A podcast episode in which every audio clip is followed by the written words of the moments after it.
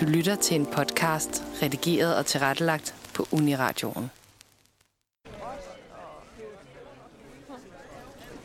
Det er torsdag den 14. februar. Klokken er 8.30, og jeg, Anne Tranum, står her i Rigsdagsgården foran Christiansborgs hovedtrappe til den ugenlige klimapåmindelse, der løber frem til klokken 10 i dag. Og jeg står selvfølgelig her som en del af Miljømandag-konceptet, hvor vi på mandagsredaktionen gør vores for at støtte op omkring forskellige klimatiltag i København. Hvorfor er det, I står her foran øh, Christiansborg hver torsdag formiddag? Det er klimapåmindelsen, så det er en påmindelse til vores folkevalgte om, at det er dem, der har ansvaret for at lave klimalovgivning. Så de skal se at få fingrene ud og, og få lavet noget ansvarlig klimalovgivning. Øh, og de ved det jo egentlig godt, når man prikker til dem, øh, men så går de ind på arbejde og glemmer at gøre det, så derfor står vi her og minder dem om det. Og hvorfor er det, du står her? Altså, jeg har startet det. Jeg var den første, der gik rundt her i efterårsferien med et skilt. Øh, og så startede vi og satte det ud på Facebook og sådan noget, og jeg troede første gang ville der komme mig og mine tre venner, og der kom 40. Og de sidste mange gange har vi været 150 mennesker. Og hvad er det typisk, der sker til de her klimapåmindelser? Hvad er programmet? Øh, det er, at jeg siger goddag lige om lidt, øh, fortæller netop, hvorfor vi står her, og hvad rammerne er. Vi holder klimapåmindelsen som en påmindelse for at minde vores folkevalgte om, at de skal arbejde for at indfri de mål, der blev sat i Paris-aftalen. Klimapåmindelsen har tre formål. Det første er at samtale med politikerne, det andet er at gøre indtryk og blive hørt, og det tredje er at møde hinanden. For eksempel er det ikke en almindelig demo, vi kalder det et gademøde. Så der er ikke noget med megafoner og høj musik og råb og piften og buen. Vi står her for at tale med politikerne og med hinanden. Så det hele er meget, meget fredeligt. Klokken 9, der har vi en, en taler hver gang, og det har været alle mulige forskellige. Det har været Greenpeace og nogle forskere på universitetet og alle mulige. Øh, I dag kommer der en fra det, der hedder Extinction Rebellion. Vi er fra Extinction Rebellion, der er taler i dag. Jo, men vi vil fortælle om, hvorfor civil ulydighed er nødvendig. Og jeg hedder Pernille. Jeg er 57 år gammel. Jeg hedder Birgitte, og jeg er 25 år gammel. Og jeg hedder Anne-Sophie, og jeg er 44. Extinction Rebellion bruger civil ulydighed. Ikke for at vælte regeringer, men for at vælte løgnen om klimakrisen. Her fra Extinction Rebellion, der anerkender vi det kæmpe arbejde, som alle sammen lægger. Og vi håber, at vi bliver ved med at kunne mødes på klimabarrikaderne. Og klokken halv 10 har vi noget, vi kalder annonceringer, som er en slags mundtlig opslagstavle, hvor folk fortæller, ja, der er skolestræk i morgen, eller husk at skrive under på borgerforslaget, eller sådan noget. Øh, og bagefter synger vi også et par sange mere. Og der er nogle af deltagerne, der har skrevet klimasange.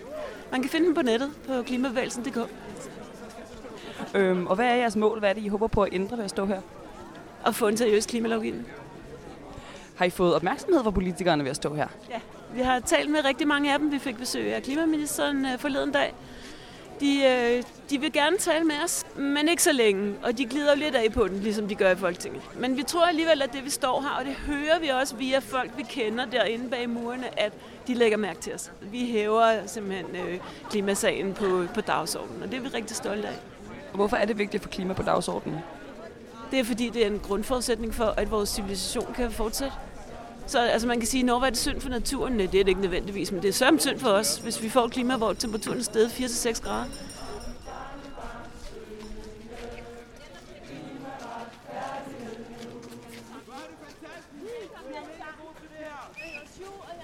Vejret i dag er gråt og køligt, men alligevel er cirka 100 personer fra både 350 Klimabevægelsen, den grønne studenterbevægelse, Bedsteforældrenes Klimaaktion og det frivillige hold bag Folkets Klimamarts 2018, samt en masse tilstødende samlet her til klimapåmindelsen i dag. Stemningen er god, der er morgenbrød, smil og store bannere. Der er mange forbipasserende, der reagerer, og det er vel også meningen med det hele. Hvad skal du her i dag? Jeg hedder Pernille Planten, og jeg er her på vegne af Extinction Rebellion og mig selv og mine børnebørn. Hvad håber du på at kunne ændre ved at stå her? Jamen, jeg håber på at være en del af den her, det her folkelige krav om, at politikerne skal tage alvorligt, at øh, vi står meget tæt ved et tipping point, og der skal handles nu. Hvad er det særligt, du går ind for?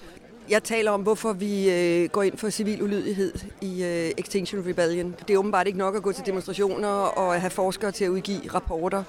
Øh, vi skal ruske de her politikere op, og det gør vi ved at lave civil ulydighed. Og hvad er det særlige, I gerne vil have politikerne til at gøre?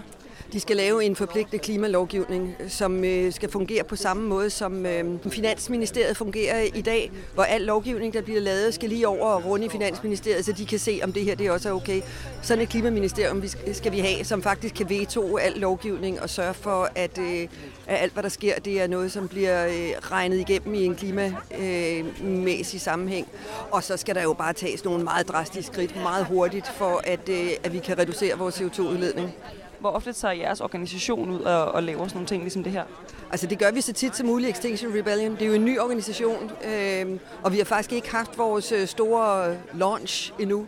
Den har vi om 14 dage. Hvad er, hvad er målet med Extinction Rebellion? Altså, vi skal lave larm.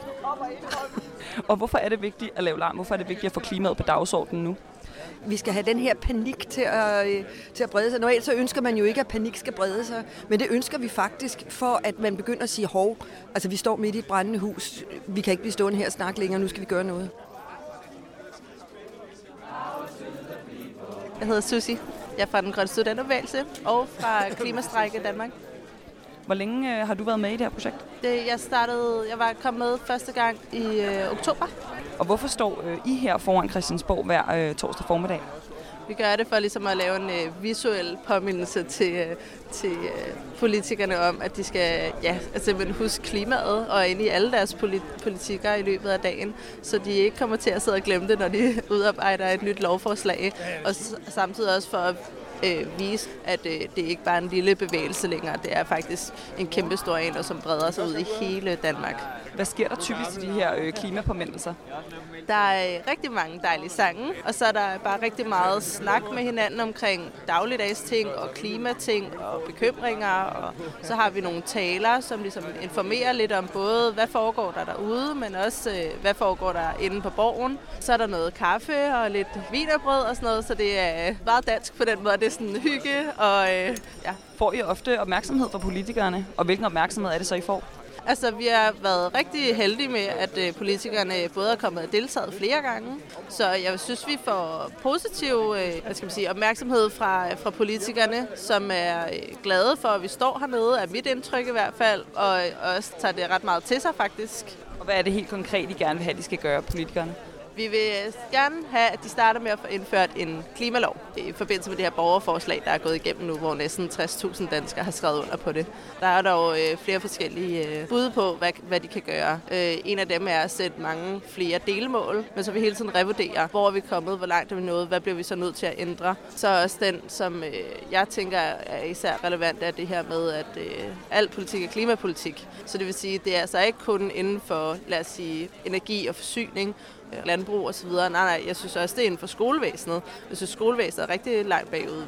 Og øh, så især også det her med, at man skal designe de her afgifter klogt, og gøre det på en øh, ordentlig måde, så det ikke er de fattige og, og de svageste i samfundet, som kommer til at betale det her. Hvorfor er det vigtigt at få klimaen i lovgivningen? Vi står midt i en klimakrise. Vi har virkelig ikke særlig mange år tilbage. Vi kan se, at øh, siden øh, slut 1800-tallet, der er 83 procent af alle vildt levende pattedyr blevet udryddet. For slet ikke at snakke om plantelivet. Vi ser rigtig mange både klimasygdomme og vi ser klimaflygtninge. Altså, så jeg synes, det står sådan lige ved hoveddøren. Og jeg synes virkelig, at det er på tide, at vi gør nogle ordentlige tiltag og tager sammen.